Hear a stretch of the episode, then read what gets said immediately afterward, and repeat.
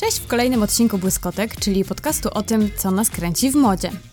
Dzisiaj zapraszam Was na solówkę, czyli na mój monolog dotyczący inspiracji okołomodowych, które wpadły mi w oko albo w ręce, albo których po prostu doświadczyłam w ostatnich tygodniach. Jak część z Was wie, obecnie mieszkam we Florencji i trudno nie być zainspirowaną modą w tak artystycznym mieście, jakim jest Florencja. Dlatego jeden z głównych tematów dzisiejszego odcinka to właśnie moja wizyta w Gucci Garden, czyli w kompleksie marki Gucci, który znajduje się we Florencji. Później opowiem Wam o książce, którą obecnie czytam. E, następnie podzielę się z Wami moimi ostatnimi odkryciami kosmetycznymi, bo myślę, że to temat, który też może Was zainteresować, a są to naprawdę same perełki, które po prostu szczerze od serca polecam.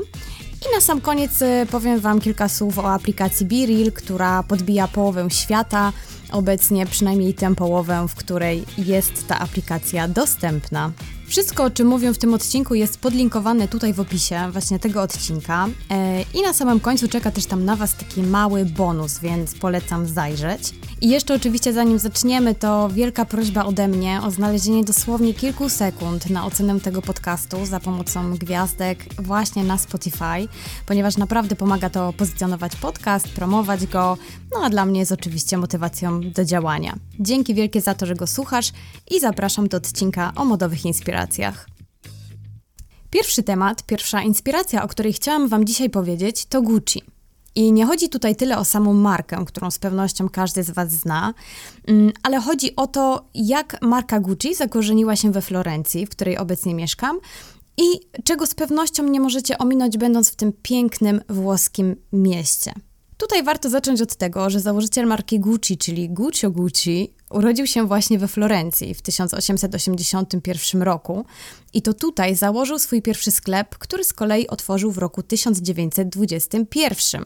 Ta data jest o tyle ważna, że później będę wspominać o stuleciu marki, kiedy to wydarzyła się pewna rzecz e, istotna dla tego odcinka podcastu i dla moich doświadczeń we Florencji, więc zapamiętajcie sobie tą datę 1921 rok. Co jest ciekawe, Guccio Gucci zaczynał podobnie jak marka Louis Vuitton, czyli zaczynał od sprzedaży akcesoriów do podróży, walizek, toreb i wszelkich innych skórzanych wyrobów, w których można było przenieść e, różne, różny dobytek. Oczywiście były to wyroby skórzane, najwyższej jakości i kiedy właśnie Guccio Gucci otworzył swój pierwszy sklep we Florencji w 21 roku minionego wieku, no była to naprawdę spora rewolucja również dla tego artystycznego miasta. Datę otwarcia pierwszego sklepu uważa się też za oficjalną datę założenia marki Gucci, y, co jest właśnie o tyle istotne, że 90 lat później, czyli w roku 2011, został otworzony, nazwijmy to kompleks Gucci Garden, właśnie tutaj we Florencji, a dokładniej w jej historycznym sercu, czyli na Piazza della Signoria. Myślę, że warto tutaj wspomnieć, że Gucci Garden otworzyło się za czasów Fridy Gianni, która była wtedy dyrektor artystyczną marki Gucci, dokładnie w latach 2006 do 2014. Ja osobiście mam wrażenie, że po erze Alessandro Michele, która trwa w najlepsze, niestety już nikt nie pamięta o Fridzie, mm, ale trzeba oddać, że rzeczywiście to Gucci Garden otworzyło się za jej czasów i na pewno też miała tutaj swój duży wkład w otwarcie tego niesamowitego kompleksu. Przez pierwsze lata muzeum miało zupełnie inny wystrój i, i prezentowało inne eksponaty niż możemy zobaczyć dzisiaj. Rewolucji dokonał oczywiście Alessandro Michele, który przejął dyrekcję artystyczną włoskiej marki zaraz po odejściu Gianni, czyli w 2015 roku. Co Michele zrobił w domu mody Gucci i jak rewolucyjne właśnie były jego projekty, działania i kampanie, i wszystko to, co się dzieje w Gucci przez ostatnie 7 lat, Przypuszczam, że większość z Was wie, a jeśli nie i chcecie dowiedzieć się o tym więcej, to koniecznie dajcie mi znać, ponieważ z wielką chęcią nagram o tym osobny odcinek. W momencie, kiedy Alessandro Michele przejmuje pieczę nad Gucci Garden, znajduje się tam tylko, a może i aż, Muzeum Gucci, to muzeum historyczne. Michele wpada na pomysł, żeby do tego kompleksu dodać osterię Gucci, czyli restaurację, a właściwie po prostu osterię, bo myślę, że każdy, kto był we Włoszech, wie, że we Włoszech znajdują się trattorie, osterie i ristorante. Tak więc pojawia się Osteria Gucci, nad którą pieczę trzyma sam Massimo Bottura, czyli włoski szef kuchni, który jest trzykrotnym zdobywcą gwiazdki Michelin i którego być może kojarzycie z pierwszego odcinka serialu Chef's Table, czyli produkcji Netflixa, która jest genialna i bardzo serdecznie polecam. Polecam też mieć przygotowane coś do jedzenia, kiedy oglądacie tę produkcję. Michele zmienił wystrój też dolnego poziomu Gucci Garden, czyli sklepu, w którym dzisiaj można zakupić specjalne kolekcje właśnie tego włoskiego domu mody. Są to przepiękne kolekcje. Z chęcią bym Wam pokazała wystrój tego sklepu u mnie na Instagramie, ale niestety, a może stety, nie można tam robić zdjęć, nagrywać wideo. I każdy, kto po prostu będzie we Florencji, myślę, że tym bardziej będzie miał pokusę, żeby zajrzeć, zaglądnąć, zobaczyć, jak wygląda nawet ten sam sklep, który znajduje się na parterze Gucci Garden. W kompleksie pojawiła się również księgarnia Gucci, która jest gratką dla wszystkich kolekcjonerów pięknych albumów, czyli ja tutaj macham do Was ręką w tym momencie albumów i książek e, o szeroko pojętej sztuce, modzie, designie. Znajdziecie tam po prostu przepiękne, przepiękne wydania, także notesy, e, które są troszkę tańsze niż te albumy i zawsze można sobie przywieźć tego rodzaju pamiątkę z Gucci Garden. To, co jest najbardziej istotne, to fakt, że Alessandro Michele zmienił też samo serce Gucci Garden, czyli właśnie muzeum i ekspozycję, która się tam pojawiała, i zmienił ją dwukrotnie. Mm, pierwszy raz w 2018 roku, a drugi raz właśnie w to stulecie marki Gucci, czyli w 2021 roku. I jest to wersja muzeum, którą możemy zobaczyć również dzisiaj, którą ja miałam e, okazję widzieć w tym miesiącu. Obecna wystawa w Gucci Garden nosi nazwę Gucci Garden Archetypes y, i tak naprawdę nie jest to tylko wystawa, ale powiedziałabym, że całe doświadczenie, które funduje nam dyrektor artystyczny Gucci, czyli Alessandro Michele. W kolejnych salach przyprowadza nas y, przez multimedialne, interaktywne ekspozycje, które prezentują przegląd jego najważniejszych kampanii od czasów początków jego działania w Gucci, czyli od 2015 roku. Każdy fan mody wie, tak jak wspomniałam wcześniej, że w tych siedmiu latach działo się w tej włoskiej marce bardzo dużo. Nastała ogromna rewolucja w marce Gucci i każda kolejna kolekcja, każda kolejna też kampania do tej kolekcji wytyczała nowe ścieżki w całej branży mody. Znalazłam wczoraj też bardzo ciekawe wyrażenie, którym sam Michele opisuje swoją wystawę i w takim wolnym tłumaczeniu, swobodnym tłumaczeniu własnej, własnego autorstwa jest to plac zabaw emocji. I myślę, że nie ma żadnego przekłamania w tym sformułowaniu i jest to bardzo dobre określenie tego, czego doświadczycie w Muzeum Gucci Garden. Żeby dać Wam tylko taką zajawkę, ale też zbytnio nie spoilerować tego, co możecie zobaczyć w Muzeum Gucci Garden, bo dla mnie efekt szoku i tego, że tak naprawdę nie wiedziałam, czego się tam spodziewać, był najlepszym doświadczeniem, to powiem tylko, wspomnę tylko o kilku rzeczach, które możecie tam zobaczyć.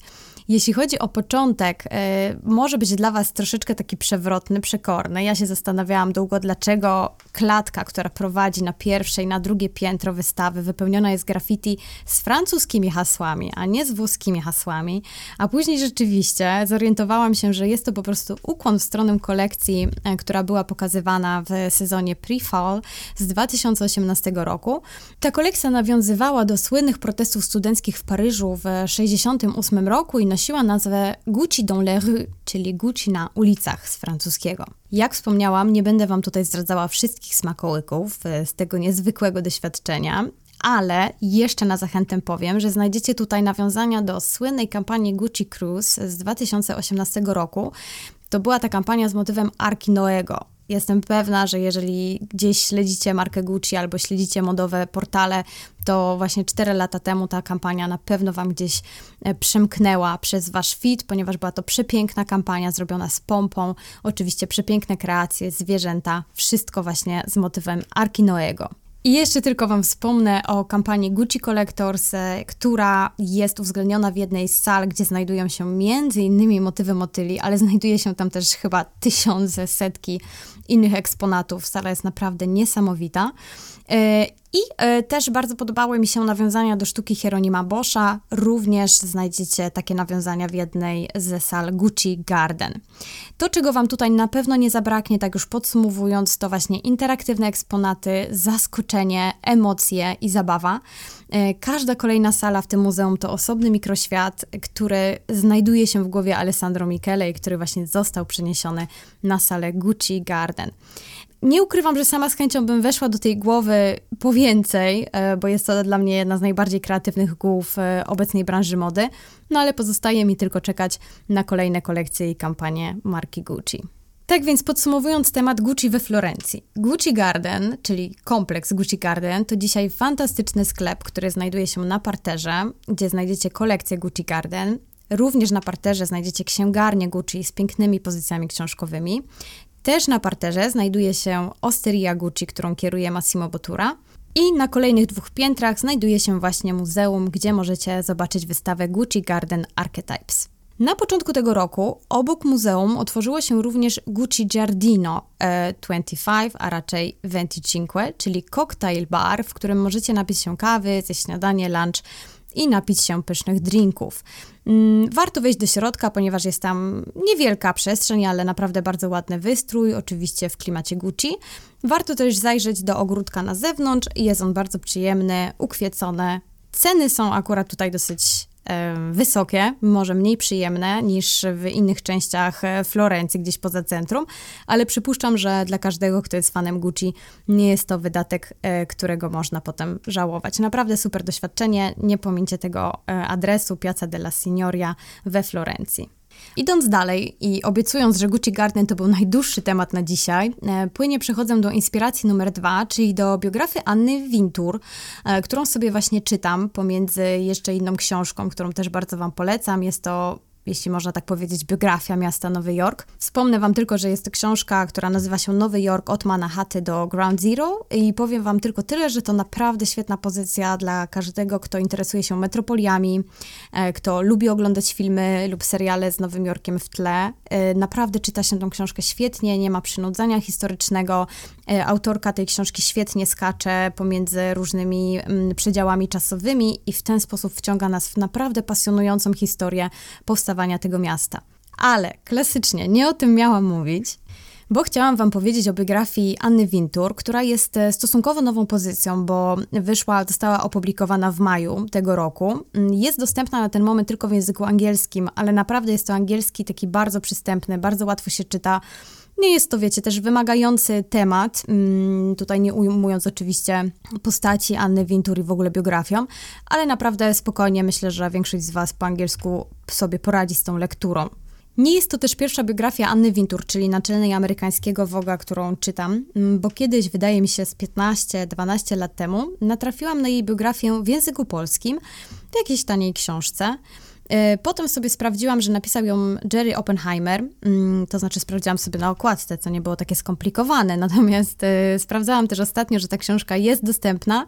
Nosi tytuł Królowa Woga, Anna Wintour, autor Jerry Oppenheimer. Wydaje mi się, że bez problemu możecie ją e, znaleźć gdzieś w sieci. Książka, którą czytam teraz, ta wydana po angielsku, jest autorstwa Amy Odell. I dlaczego ja wam w ogóle mówię o tych książkach? Oczywiście myślę, że przede wszystkim dlatego, że jest to postać Anny Wintour, której no już chyba naprawdę nie muszę nikomu przedstawiać. I pomyślałam sobie, że cokolwiek uważamy o tym, czy Anna Wintour powinna już odejść z amerykańskiego Woga, cokolwiek myślimy sobie o jej oziębłym stosunku do pracowników, um, cokolwiek myślimy sobie o jej działaniach w ostatniej dekadzie, o dawaniu Kim Kardashian na okładkę i o innych takich dosyć kontrowersyjnych ruchach, nie da się ukryć, że jest to kobieta petarda, której życiorys naprawdę warto poznać bliżej, zwłaszcza jeśli ktoś interesuje się modą, albo jeśli ktoś lubi czytać biografie takich power people, bym powiedziała, czyli osób, które naprawdę prawie że od dziecka wykazują się jakąś taką determinacją i niesamowitą mocą przyciągania też innych osób do siebie. I tak jak Wam wspomniałam, jakieś 15 lat temu czytałam pierwszą biografię Anny i ja nie ukrywam, że ja byłam taką nastolatką, która była bardzo zafascynowana tą postacią i mnie w ogóle zawsze fascynowały silne kobiety, które tak prosto dążyły do celu, niezależnie od konsekwencji jakichś różnych kłód, które miały pod nogami. I trochę się gdzieś tam w tą osobę Anny Wintour zagłębiłam i muszę wam to powiedzieć, że jeśli znacie, kojarzycie Annę tylko z tej bardzo luźnej interpretacji jej osoby, która pojawiła się w filmie Diabeł ubiera się u Prady, to naprawdę jest to za mało i jest to, pamiętajcie, tylko fabularny obraz tej postaci, która jest rzeczywistą postacią. Oczywiście możecie uzupełnić swoje braki poprzez oglądnięcie świetnego dokumentu The September Issue. Jeżeli ktoś nie oglądał, to naprawdę polecam zrobić to dzisiaj od razu. E, The September Issue, dosyć stary dokument, ale naprawdę świetnie pokazuje to, jak wygląda praca w Wogu. E, natomiast, co jest ciekawe w tym dokumencie, również niewiele dowiecie się o samej Annie. Są tam tylko takie prześwity, kiedy ona mówi mm, tak intymnie o swoim dzieciństwie, o tym, co o niej uważa jej rodzina, a nie uważa najlepiej ze względu na to, że zajmuje się czymś tak głupim jak moda, oczywiście w cudzysłowie. Natomiast w samym tym dokumencie myślę, że więcej dowiedzieliśmy się o Grace Coddington, wspaniałej stylistce, e, o której też mam ochotę nagrać osobny odcinek, niż właśnie o samej Annie Wintour.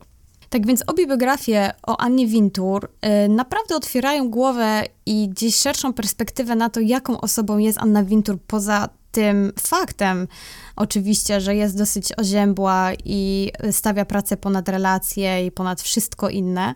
Natomiast jest to osoba, która jest tak skupiona na celu, że jest w tym coś, czego ja jej zazdroszczę. E, jest oczywiście w tym sporo przerażających rzeczy, mm, że człowiek może mieć taką determinację i taką siłę i po prostu iść przed siebie jak czołg. Jest w tym coś przerażającego w jakiś sposób, ale z drugiej strony jest to na pewno też bardzo, bardzo fascynujące.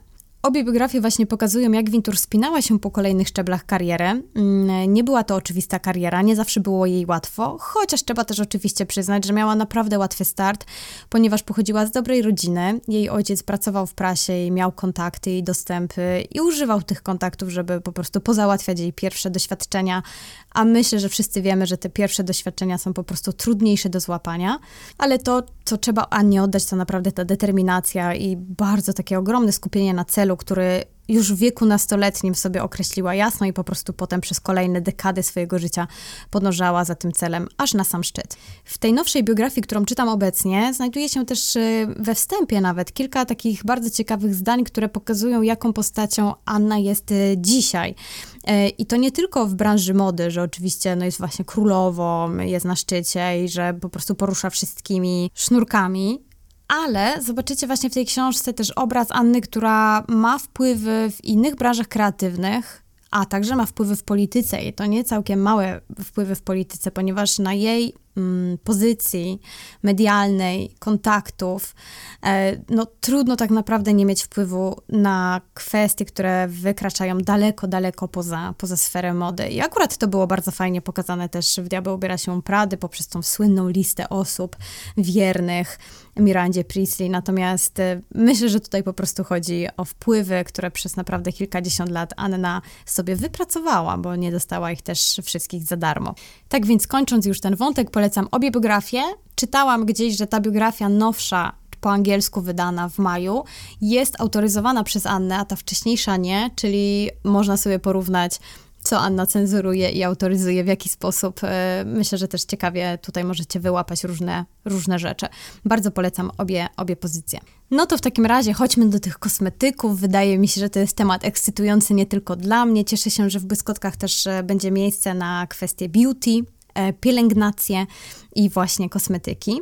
E, I chciałam Wam zacząć e, dzisiaj od trzech e, polecajek i myślę, że warto też podkreślić, nie tylko ze względu na Urząd Ochrony Praw Konsumenta, który gania wszystkich influencerów, którzy robią reklamy i ich nie oznaczają.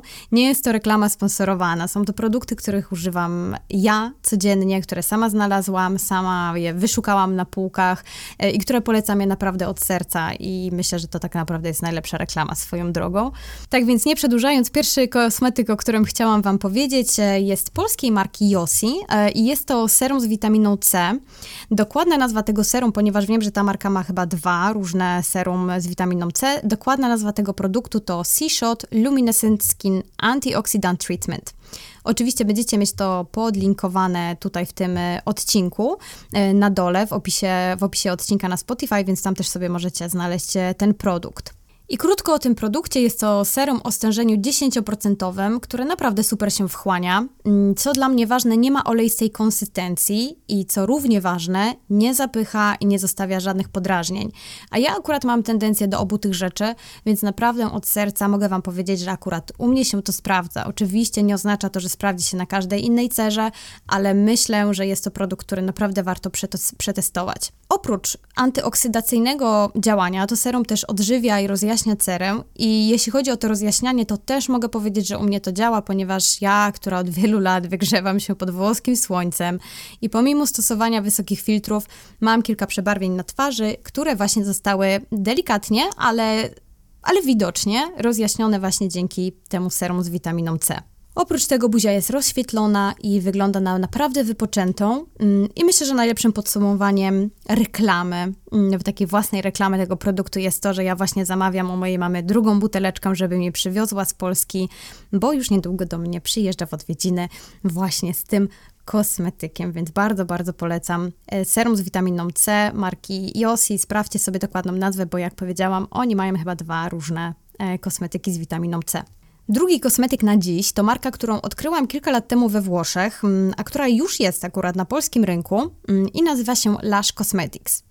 Przypuszczam, że też znacie, a być może nie. Jeżeli nie, e, to może gdzieś tam Wam się znowu obiło o feed albo gdzieś po prostu przy okazji różnych zagranicznych podróży widzieliście sklep z takimi kolorowymi bańkami do kąpieli, z innymi cudeńkami, bardzo kolorowy, taki bardzo insta-friendly. E, I ja pamiętam, jak pierwszy raz weszłam do tego sklepu i było to w Rzymie jakieś 4 lata temu i oszalałam. Nie wiedziałam, co robić, nie wiedziałam, co chcę. Właściwie pomyślałam, że chcę wszystko. I w końcu chwyciłam wtedy taką naprawdę niewielką rzecz, która stała gdzieś w kącie. I był to skrab do ust yy, o smaku gumy balonowej. Użyłam tego skrabu kilka razy. Naprawdę byłam zachwycona od pierwszego użytku, ale potem gdzieś chyba jakieś przeprowadzki, jakieś zamieszania, zapomniałam o tym kosmetyku. Odszedł niestety w niepamięć, później go znalazłam, już nie nadawał do użytku i musiałam go wyrzucić. A ja naprawdę rzadko kiedy wyrzucam kosmetyki, które nie są skończone. Niestety tutaj się tak wydarzyło. I do brzegu. Ponownie kupiłam sobie ten skrab we Włoszech w tym roku. Tym razem kupiłam smak wiśniowy, ale nie o smak tutaj chodzi, ponieważ sam ten skrab i fo formuła tego skrabu jest naprawdę super dla ust, które albo mają tendencję do pojawiania się skórek, mm, albo dla osób, które właśnie tak jak ja kochają szminki i wszyscy wiemy, że te usta po prostu potrzebują pielęgnacji, nawilżenia i właśnie złuszczenia po częstym używaniu szminek. Złuszcza i nawilża. Naprawdę robi obie te rzeczy. Mm, z tego, co czytałam, trochę lepsze opinie ma ten smak balonowy, nie ze względu chyba na smak, tylko one też mają troszeczkę inną konsystencję i oczywiście inne składniki, ale ten wiśniowy naprawdę też daje radę, do tego jest mega smaczny, więc naprawdę polecam. Ten produkt, jest świetny. A jak już jesteśmy przy ustach, to muszę, po prostu muszę wtrącić info o moim kosmetyku życia, który używam od trzech lat non-stop dzień w dzień. I przyznaję, że jestem od niego absolutnie uzależniona. I jest to maska do ust e, firmy Laneige, Również akurat ja mam ten smak balonowy. Nie wiem dlaczego, po prostu chyba ten smak jest pyszny. Różowy flakonik, e, właściwie nie jest to flakonik, tylko pudełeczko. No jest to po prostu kosmetyk stulecia. Kupujcie w ciemno dla siebie i na prezenty. Możecie używać zamiast pomadki. Ja już nie używam żadnej pomadki nawilżającej. To jest w ogóle jedyny kosmetyk do ust, oprócz tego skrabu, który ja mam. E, mam go przy sobie, na wieczór nakładam większą ilość jako maskę nawilżającą, odżywiającą, a jak sobie tylko gdzieś wychodzę albo nawet po prostu tak siedzę w domu, to niewielką ilość nakładam na usta e, jako takie nawilżenie i odżywienie ust po prostu tak pielęgnacyjnie. Bardzo, bardzo polecam. Też jest wszystko podlinkowane w opisie tego odcinka. I ostatnia już na dzisiaj rzecz, o której chciałam Wam powiedzieć, to aplikacja BeReal, która na ten moment ma 53 miliony użytkowników i być może jest nadzieją na lepsze jutro. Dlaczego? E, jeśli jeszcze nie słyszeliście o aplikacji BeReal, to jest to aplikacja, która wręcz wymusza na nas, abyśmy po prostu byli autentyczni i pokazywali nasze życie dokładnie takie, jakie ono jest. I tutaj nie ma żadnej ściemy, ponieważ w BeReal nie ma możliwości używania filtrów, nie ma możliwości selekcji zdjęć, które widać na naszym profilu. Jak to działa?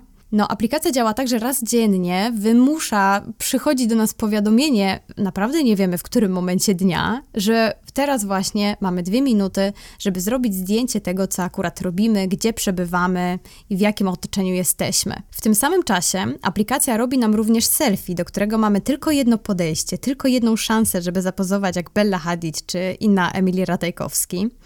Mamy, tak jak wspomniałam, dokładnie dwie minuty na zrobienie zdjęcia tego, co dzieje się dookoła nas.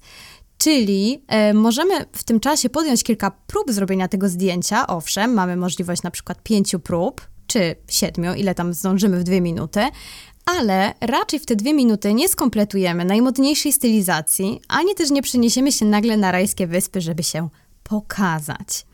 E, ponieważ nie znamy godziny, w której Biril e, poprosi nas o zdjęcie, istnieje naprawdę duża szansa, że zostaniemy przyłapani w dresie, bez makijażu, na spacerze z psem, gotując obiad itd. Tak Możemy nie wyrazić zgody na opublikowanie zdjęcia, które zrobiliśmy w ciągu tych dwóch minut, jeżeli totalnie nie będziemy zadowoleni z selfie albo właśnie z tego, co dzieje się dookoła nas, ale jeśli nie, nie zgodzimy się na opublikowanie tego zdjęcia, nie będziemy też mogli podpatrzeć, co dzisiaj słychać u naszych znajomych. Tak więc co widzimy na feedzie BeReal, na naszym feedzie, kiedy się tam zalogujemy? No i to jest właśnie fenomen tej aplikacji, ponieważ widzimy codzienne, totalnie nudne sprawy.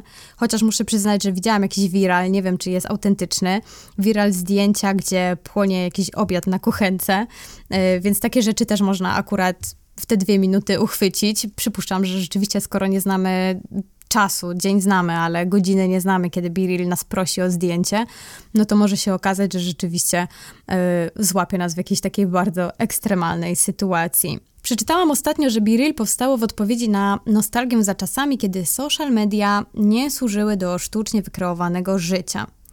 I zaczęłam się zastanawiać, na ile moje na przykład to włoskie piękne życie jest wykreowane i jak różny byłby kontent, który widzicie u mnie na Instagramie, od tego, który mogłabym stworzyć na moim profilu BeReal. I zaczęłam sobie myśleć, że pewnie wiele zależałoby od tego, w którym momencie dnia akurat złapie mnie ta aplikacja, bo naprawdę jest tak, że życie we Włoszech jest po prostu piękne, jeśli chodzi o kwestie wizualne. Ale z drugiej strony, może dobrze byłoby pokazywać też momenty, kiedy na przykład, tak jak obecnie, nagrywam ten odcinek podcastu pomiędzy ubraniami w mojej szafie w niewielkim mieszkanku we Florencji. Może byłoby to zdrowsze dla nas wszystkich – a potem zaczęłam się zastanawiać, czy to nie jest tak, że jakaś część z nas łaknie tych pięknych, wyidealizowanych kadrów z Instagrama, które pokazują tylko ułamek życia, ale piękny ułamek życia. Jednak te interakcje pod zdjęciami ładnymi, wykadrowanymi, pozowanymi, a interakcje pod zdjęciami dnia powszedniego mówią same za siebie. I tu się zastanawiam, czy BeReal ma szansę stać się tak zwanym big deal, jak TikTok, czy może będzie przylotną zajawką jak Clubhouse? No i w końcu najważniejsze pytanie w kontekście błyskotek tego podcastu. Co BeReal, aplikacja BeReal, powiedziałaby o branży mody? Jaki obraz branży mody by przedstawiła? Jak prezentowałyby się modelki i topowe influencerki? W czym chodzą, kiedy nie widzimy ich na Instagramie? Czy to tak naprawdę nie ciekawi nas dzisiaj bardziej od tych luksusowych metek w ich szafach? Nie wiem, zastanawiam się. Kusi mnie jedna i druga odpowiedź. Dajcie znać, czy BeReal do Was przemawia, czy znacie tę aplikację, czy jesteście w tej aplikacji, czy ją testowaliście. No i oczywiście, jakie macie przemyślenia po kilku, kilkunastu dniach użytkowania. Jestem naprawdę super ciekawa, bo dużo się mówi o tej aplikacji. Sama ją mam, ale jeszcze z niej nie korzystam, y, ale myślę, że się skuszę, bo, bo tak jak powiedziałam, na pewno jest to zdrowsze dla nas wszystkich. Dajcie znać, co myślicie. I to już wszystko, co dzisiaj dla Was przygotowałam. Mam nadzieję, że zostawiłam tutaj kilka inspiracji i ciekawostek, z których skorzystacie. Pamiętajcie też, że na końcu opisu czeka na Was mały bonus z inspiracjami i pamiętajcie również o zostawieniu gwiazdek. Piszcie do mnie śmiało na Instagramie. E, Instagram Malwina Regina też jest podlinkowany w tym podcaście, bo naprawdę jestem ciekawa Waszych przemyśleń po odsłuchaniu tego odcinka. Słyszymy się w kolejny poniedziałek o 18 i będzie ze mną gość. Cześć, do usłyszenia.